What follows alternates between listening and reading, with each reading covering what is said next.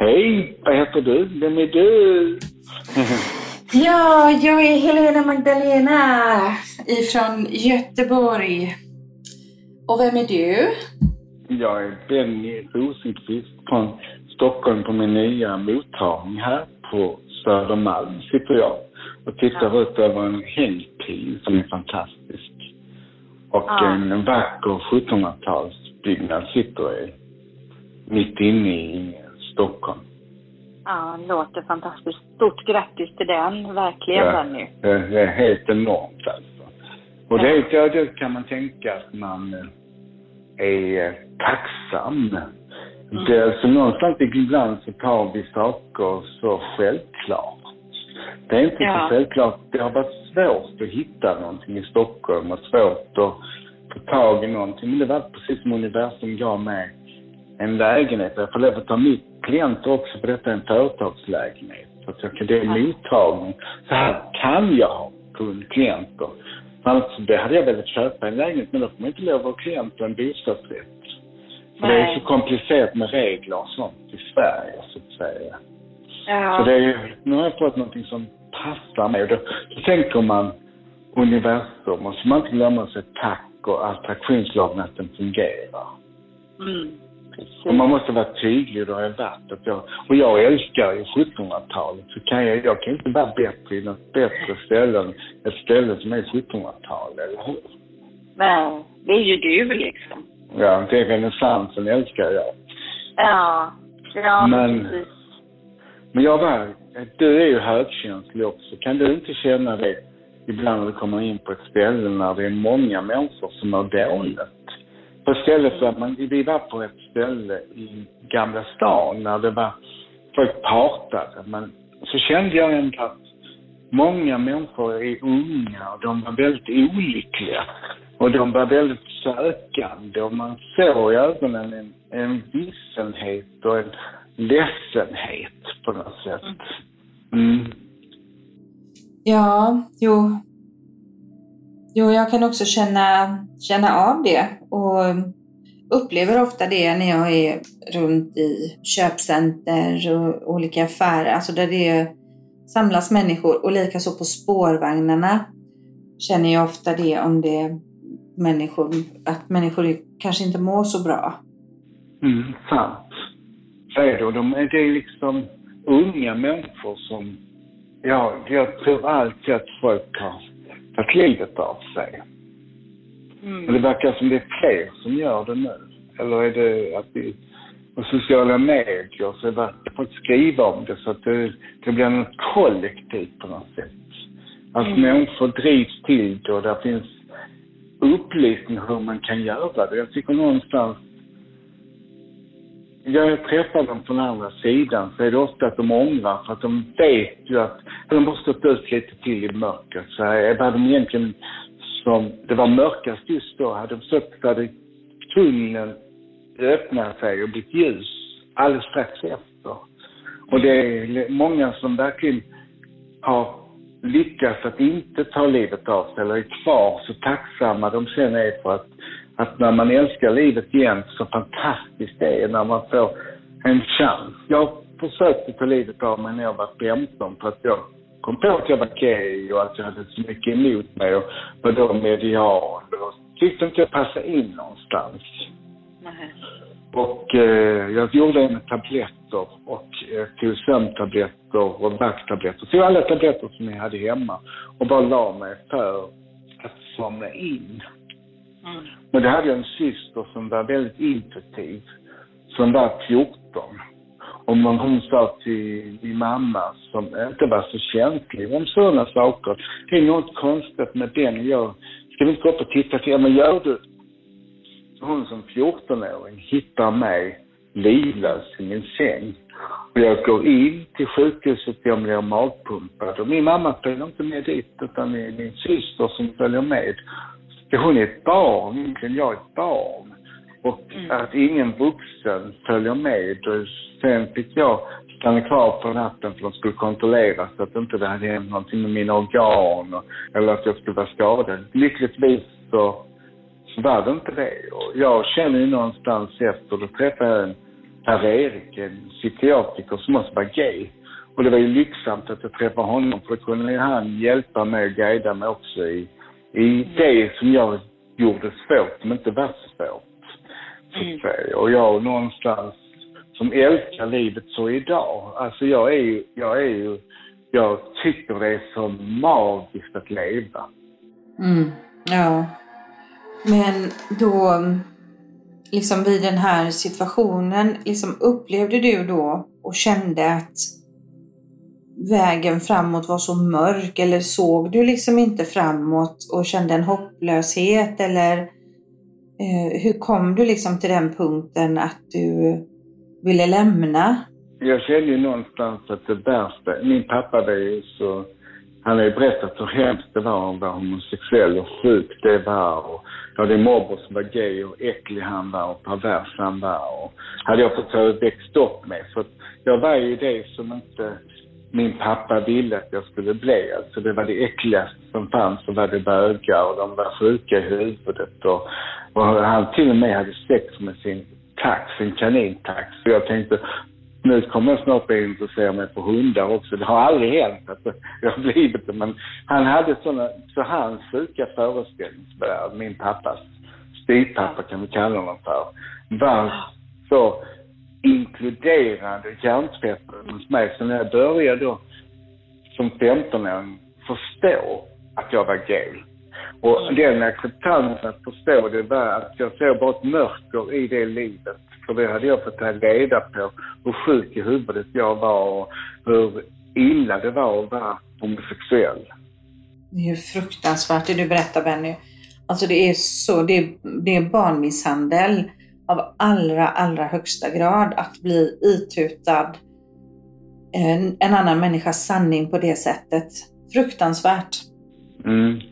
Men så hade jag en morbror som älskade livet och älskade att vara gay. Så att jag hade ju motpolen sent till att hjälpa mig. Gert, han hjälpte mig och Joakim att se deras kärlek som var i 57 år. Att hur vacker den var. Och jag har ju älskat och blivit älskad efteråt. Så fantastiskt det har varit. Att, men framförallt det är inte det som är det viktigaste. En känslan av att så mycket jag ångrat att jag ville ta livet av mig idag och så mycket jag tackar att jag lever idag. Alltså mm. så fantastiskt mycket jag varit med om och vilken utveckling jag har haft tack vare att jag inte lyckades ta livet av mig. Alltså mm. någonstans den tacksamheten för livet är så stort tycker jag. Att man någonstans så ser man den här förtvivlan eh, som många unga människor har idag, psykisk ohälsa. Det verkar som många mår dåligt just nu. Och det är vårt ansvar. Och jag vet ju någonstans som har jourtelefoner hemma till kanske 20-25 stycken unga människor som kan ringa mig mitt i natten med en bild och prata när de har ångest, panik och jag har en tjej som jag träffar en gång i veckan som har mått jättedåligt och som nu mår jättebra och som jag hjälper när hon har det jobbigt så att säga. Och jag, mm. hon kallar mig för sin extra pappa och att hon har adopterat mig som pappa. Mm. Mm. För att jag hade ju en, en son som vi kan kalla för A. Och han mm. tog livet av sig när jag var i Finland och förtvivlan. Han bodde hos mig innan men jag var tvungen att åka och jobba i Finland. Och han tog livet av sig på psykiatrisk klinik och han blev 21 år i Malmö. Mm. Så det, det är så fruktansvärt. Och den förtvivlan hans mamma kände och den hur jag på begravningen hade en mormor, en mamma och en syster hängande på mig när vi skulle gå och säga adjö till honom på mm. I begravningen alltså. Mm. Då stod hans fina gitarr, för han älskade musik. Och han ville inte att det skulle vara så mycket blommor. Han ville istället att det skulle gå till de som mådde dåligt. Så att det var det som var en, en kista, två gitarrer. Mm. Och så älskade han Elvis Presley, för det var jag älskade hans älskade morfar. Han hade fått honom att älska Elvis Presley. Så det mm. sjöngs på begravning från Elvis, så det var jättefint. Det var en mm. fin begravning, men det var så fel att det var unga människor som var 17, 18, 19, 20 som säger ja till en kompis. Mm. Det är inte Ja, då det- vi ska, det är inte då vi ska säga ja till någon. Det är då vi ska säga hej till livet. Det är då vi ska gifta oss och börja träffa den, den vi älskar och starta upp och få barn och allt det där. Det är då vi ska eh, känna glädje till livet när vi är unga. Det är då vi är som den vackraste blomman. Mm, ja, verkligen. Verkligen. Och ja, som du sa innan där, det är ju tyvärr, vi har ju flera år bakåt nu med många ungar som har haft svår ångest och mått dåligt och det känns ju ändå som att man kanske uppmärksammar detta mer och mer inom psykiatrin, att man är mer på, liksom uppmärksammad på att det kan gå väldigt illa Mm. Eh, och jag tänker på en bok som jag lyssnade på för ett tag sedan som heter Skärmhjärna. Väldigt bra bok. Jag kommer inte ihåg vad han heter. Jag tror att han heter Anders Hansen, någonting liknande. Eh, som också pekar på det här med sociala medier, då alla ideal man ska leva upp till. Man ska vara den perfekta, man ska vara den snyggaste, man ska vara den smalaste, man ska vara Alltså, det är ju sådana ideal som ligger på de här unga människorna som, som trycker ner, som tar bort självkänslan. Så ja, det är tyvärr så att många av våra unga människor mår mycket sämre nu än hur det såg ut bakåt i tiden. Tyvärr. Och där har vi då alla vårt ansvar kärleksmässigt att få dem att inse. Och ibland är det ju som man säger med maskrosbarn att har de, det finns en vuxen som ser mig och räddar det. Att se ett barn eller ge tid till någon som är ledsen eller ge det här att lyssna på det. Någonstans som de sa förr att ja, när de pratar om att de ska ta livet av sig så gör de inte det.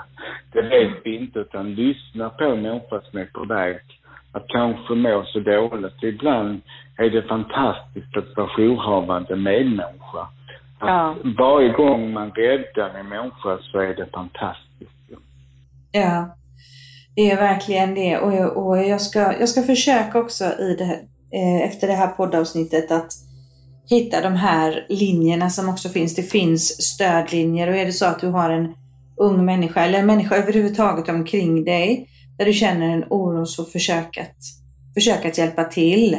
Att finnas och att finnas som medmänniska.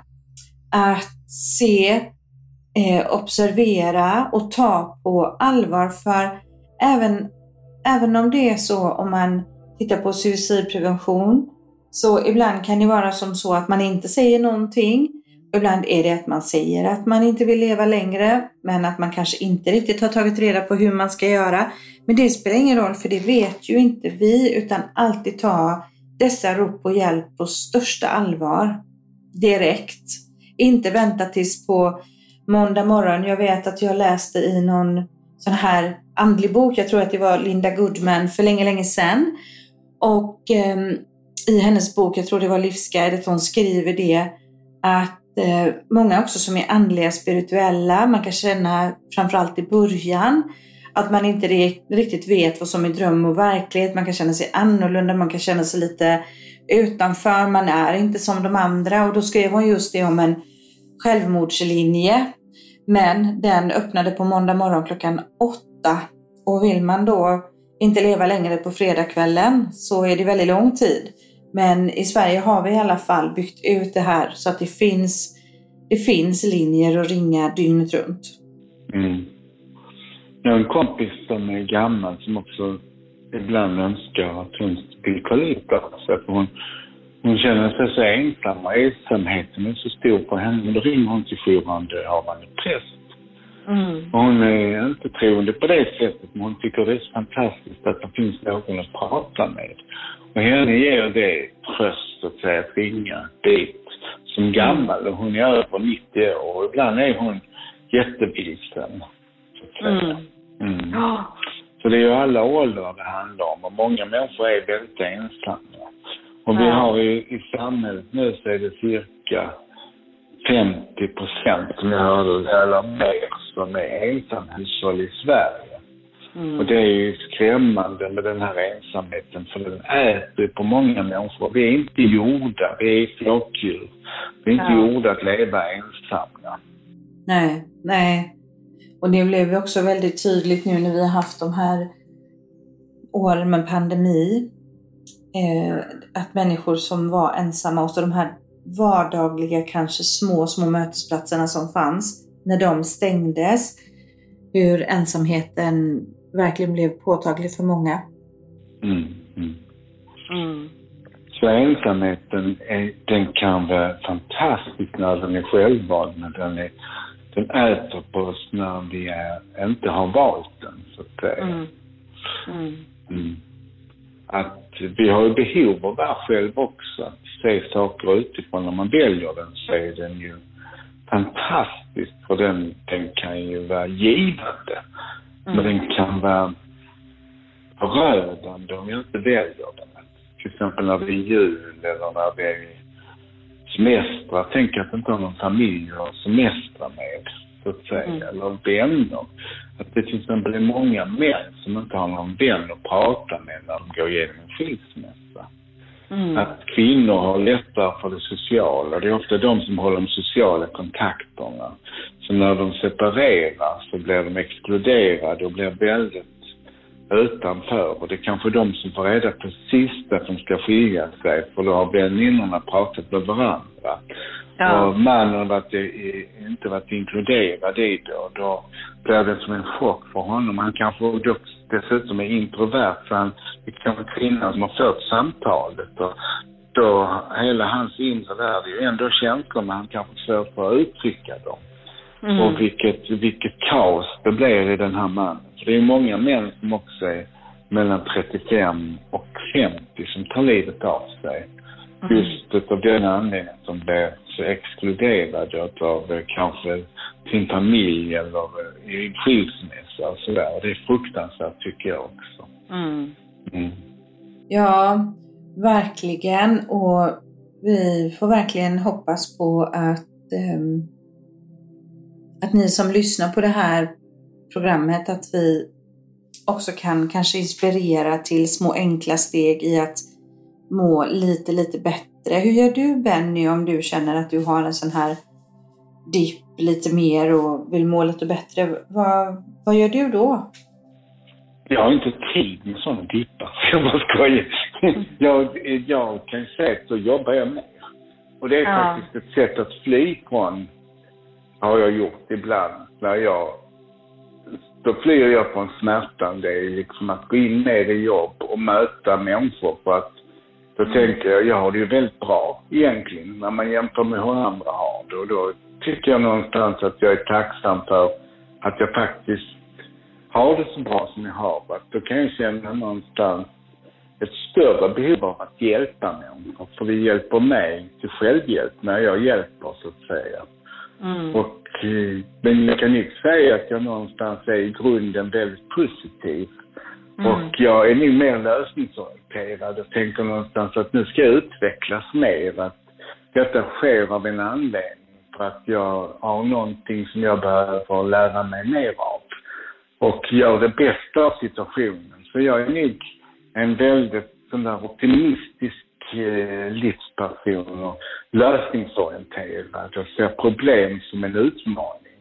Mm. Men har liksom inte alltid varit det, så att säga. Men har lärt mig av livet någonstans att inse att det kommer ju bli bättre igen och att det inte är så långvarigt det här.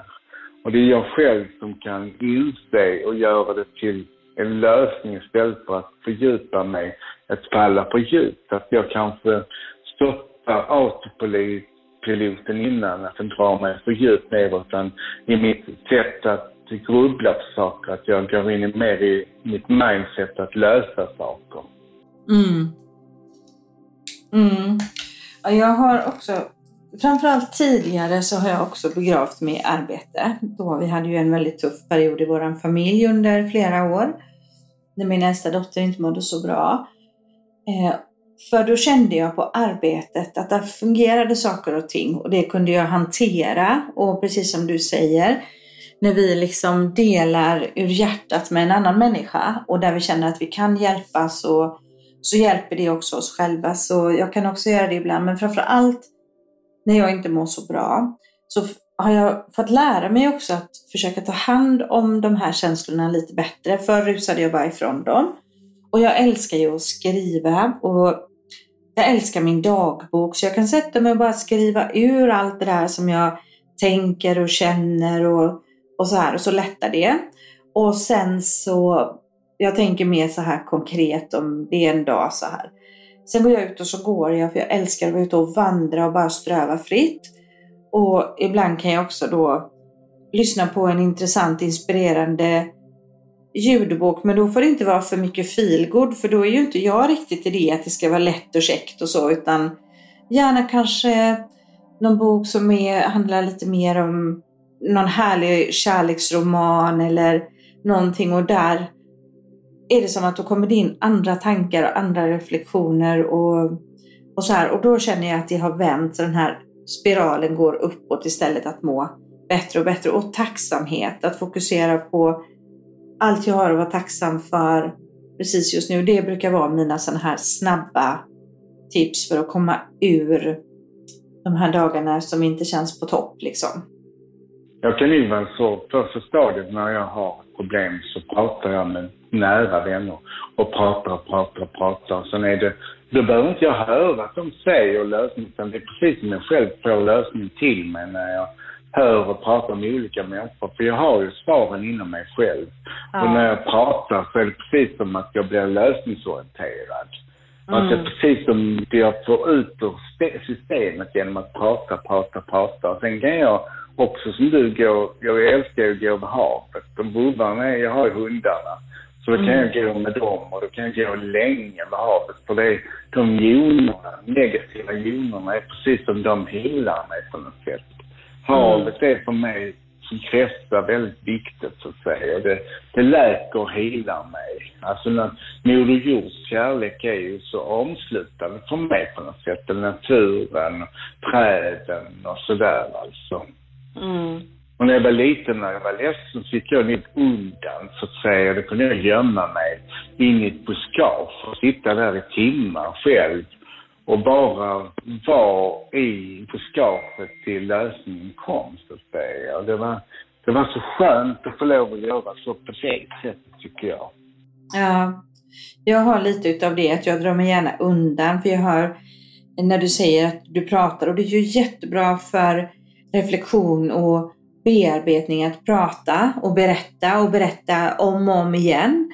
För det hjälper ju till att få ordning på, ordning på det för en själv. Men jag kan vara lite dålig på det. Jag är fortfarande det lilla barnet här. För jag drar mig undan och stänger dörren och jag pratar inte. Utan det kan jag kanske göra lite senare, lite längre fram. Då kan jag mer säga att ja, men jag mådde inte så bra just då för då hände det och det. Eh, de som jag, de som jag pratar med eh, det är ju, de jag pratar med mest det är ju mina vuxna döttrar. Och jag vill oftast inte prata med det. Jag kan säga att jag mår inte så bra just nu eller jag är lite stressad för det här eller jag är ledsen för det här. Fast jag vill inte riktigt prata med dem på det, på det sättet. Eh, men när jag får, får vara för mig själv en, två, tre dagar och bara lyssna på musik, promenera vid havet och skriva. För jag skriver av mig det istället. Då kan det liksom lätta och sen kan jag lättare sätta ord på vad det var som fick mig att inte må så bra. Eh, och jag, eh, jag har två nära vänner som på väldigt kort tid har hållit på att förlora sina män av olika anledningar. Och eh, då har ju min första tanke i bägge de här tillfällena varit men hur är det med min vän? Alltså mannen är en sak och det är en ren medicinsk fråga. Men kvinnan i detta och då pratade jag med en av de här kvinnorna häromdagen för det hade varit en väldigt allvarlig olycka med hennes man och ambulanshelikopter och allt vad det var. Och min första fråga det var ju till henne, men hur mår du i allt detta? Eh, för det är ofta så när fokus blir då på den som är skadad eller blivit akut svårt sjuk, då blir fokus på den. Men sådana traumatiska stressande situationer är det oerhört viktigt att någon frågar hur mår du? Hur tar du dig igenom dagen? Äter du? Sover du? ska jag komma, alltså det här verkligen att finnas och då den här väninnan som jag pratade med nu bara häromdagen, då fick hon möjlighet att berätta från punkt A till punkt B hur det hade börjat, var hon hade befunnit sig, vad som hade hänt. Och då sa hon det sen att åh, så skönt att bara få sätta ord på det, för det sammanfattar ju hela det här totala kaoset och chocken och allting. För henne, det är ju så läkande i sig, bara det. Mm, precis, det är kanske jag också funkar så att jag pratar. Men jag är så väldigt bra på att lyssna. Och mm. det är det man ibland behöver, någon som lyssnar bara. Jag, jag är nyss tre kompisar nu. Jag har ofta det till tre som dör. Först hade jag Marcus Mark, som jag var mm. förälskad i när jag var 25 efter att jag hade träffat, gjort slut med min första stora kärlek, Jörgen. Mm. Och han dog nu och han åkte in och sen till slut så fick familjen stänga av respiratorn. Mm. Och han dog och sen började det bli begravning. Men jag kände inte att jag ville gå på den för vi har inte varit tillsammans på så många år. Men jag var där och tände ett ljus och jag kände att klockan tre att nu har han lämnat. Han dog kvart i tre. En fredag. Så att, eh, och, men de gjorde något väldigt fint där på begravningen för att de eh, gjorde så att alla fick skriva en hälsning på kistan med en penna. Och en sista hälsning istället. Att det hade han önskat. Och då skrev min vän Joakim en hälsning för mig och la en ros på kistan för mig också. Mm. Sen hade jag Eva, en klient som hade cancer som var väldigt, väldigt rädd för att dö. Hon var paniskt rädd för att lämna jordelivet och var inte färdig. Hon var mest rädd för sin hund att den inte skulle klara sig och la det mm. utanför men egentligen hade jag en rädsla för att hon var inte färdig. Alltså hon tyckte det var precis som att hon ville inte lämna. Hon var jätterädd för det. Mm. Och eh, sen så hade jag en kompis, Katarina, som plötsligt bara åker in. Har varit sjuk men dör på en vecka också. Det är tre stycken. Katarina var en sån som jag pratade med när jag körde bil från Göteborg. Så kunde mm. ha långa samtal. Så det kommer att bli tomt nu med hennes telefon. Att vi vi kan inte prata mer. Att hon finns inte där i samtalet längre. Så det, är, det är väldigt tråkigt när nära mm. vänner lämnar.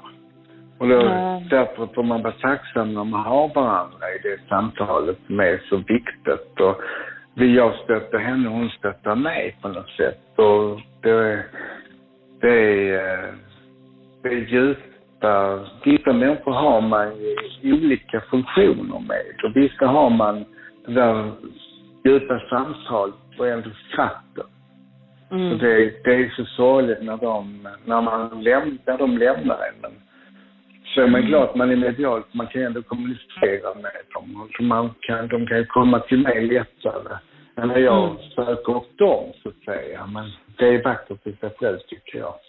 Ja, jag beklagar verkligen dina förluster som, som du har haft här nu den sista den sista tiden. För även att vi arbetar som medium och vi vet att vi lever vidare i en annan dimension så är det ju ändå en jordisk separation. Det är ju en, en jordisk person som vi har älskat som lämnar oss och man kan inte träffas igen på samma sätt. Och, och så här, det lämnar ju ett tomrum såklart. Det är ett väldigt stort tomrum de lämnar. Så det är ungefär som att göra en lång resa. Och man kan mm. inte ringa varandra för det är inte den mottagning på samma sätt. Nej. Det är inte så lätt att, till, att eh, ta tag i varandra på samma sätt som när, som när man har det där närheten, när man bor nära varandra. Det, det är bättre linjer då på något sätt. Ja. Ja. Ja, många har väl verkligen önskat att man skulle kunna ringa till himlen. Mm. mm. Den telefonen är ju vacker i sig själv. Ja. Himmelska telefonen. Ja. Mm. Mm. Det är, ja. Ja, det är väl, det är ju det här med livet. Livet ger och livet tar och livet har sina ups och sina downs. Och ibland så har vi perioder när vi mår väldigt bra och andra perioder så, så mår vi kanske inte så bra och kan till och med må riktigt, riktigt dåligt. Men det känns också som att det är viktigt att vi skickar med det att hur mörkt det än känns så finns det alltid hjälp att få. Det finns alltid någon som hjälper dig. Och mm. någonstans är det att eh, det blir alltid bättre igen. Mm. Och, eh, och det, det, det är aldrig mörkt hela tiden. Nej. Det, det vänder alltid förr eller senare. Min, eh, min mamma brukar säga det är alltid mörkast innan gryningen. Mm. Eh, och det, det har jag tagit med mig genom livet, så tack mamma Eva för det. Eh, och också skickat med andra att det är alltid som allra, allra mörkast innan gryningen. För sen vänder det och solen går upp och ljuset har kommit tillbaka. Det är som min kompis Sebastian, hans mormor sa alltid, det måste koka över ibland. Mm. Ja, och det är också sant. Ja, tryckkokaren. Och så minsta lilla grej och så spruta tårarna och man blir helt... Eh, och så kan det vara av det där lilla, lilla som får en att bryta ihop fullständigt. Men då, är, då kokar man ju över. Det räcker liksom. Mm. Tryckkokaren gör att eh, trycket är en... Typ- men då har man bällningen redan börjat. Då har man, då har man lösningen. Det, det är precis som att det vänder. Mm. Ja, precis. Ja. ja, och Benny, nu ska vi, nu ska vi börja avrunda. Nej, det, jag går inte med på det idag. Jo, det, det gör jag. Jo, det Men gör det. Det slutet är alltid svårt. Men att mm. börja på något nytt. Och var gång vi har avslutat så har vi gett möjlighet att öppna något nytt. Att när vi vänder blad så har vi något nytt vi skriver i livsboken. Och att det alltid på morgonen är ljus igen. Mm. Det är som Mumintrollsmamman säger. Så som mamma, sa Mumintrollet, en av ditt osynlig. Vad ska vi göra? Så sa Mumimamman. Vi släcker lampan så blir vi alla likadana. Det blir nog bättre imorgon. Och så är det alltid, det, det är så, det, det, kan, det blir nu bättre imorgon. Alltså det kommer en ny dag imorgon och det, det är precis som att idag är det ingen bra dag. Det behöver inte vara en dålig dag för att det börjar jobbet. Det kan sluta som den mest fantastiska dagen också. Mm. Ja, det är viktiga ord att, att ta med sig för det enda beständiga är förändringen. Allting ändras hela tiden. Mm. Och mm. ingenting blir samma och inget problem blir samma, även om man tycker man känner igen det.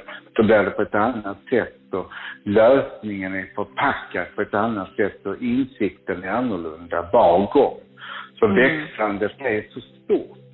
För när du har växt så är det det största. Mm. Och på något sätt också meningen med livet. Mm. Ja, så vi, vi tackar er som lyssnar. Ni är så värdefulla för oss och jag tackar dig min kära fina kollega och vän Benny för vårt poddavsnitt. Och jag tackar dig min vän Helena Magdalena för gott samtal och önskar dig det mest fantastiska till nästa gång, nästa samtal. Och så önskar jag att du och jag kramar någon, att du kramar någon.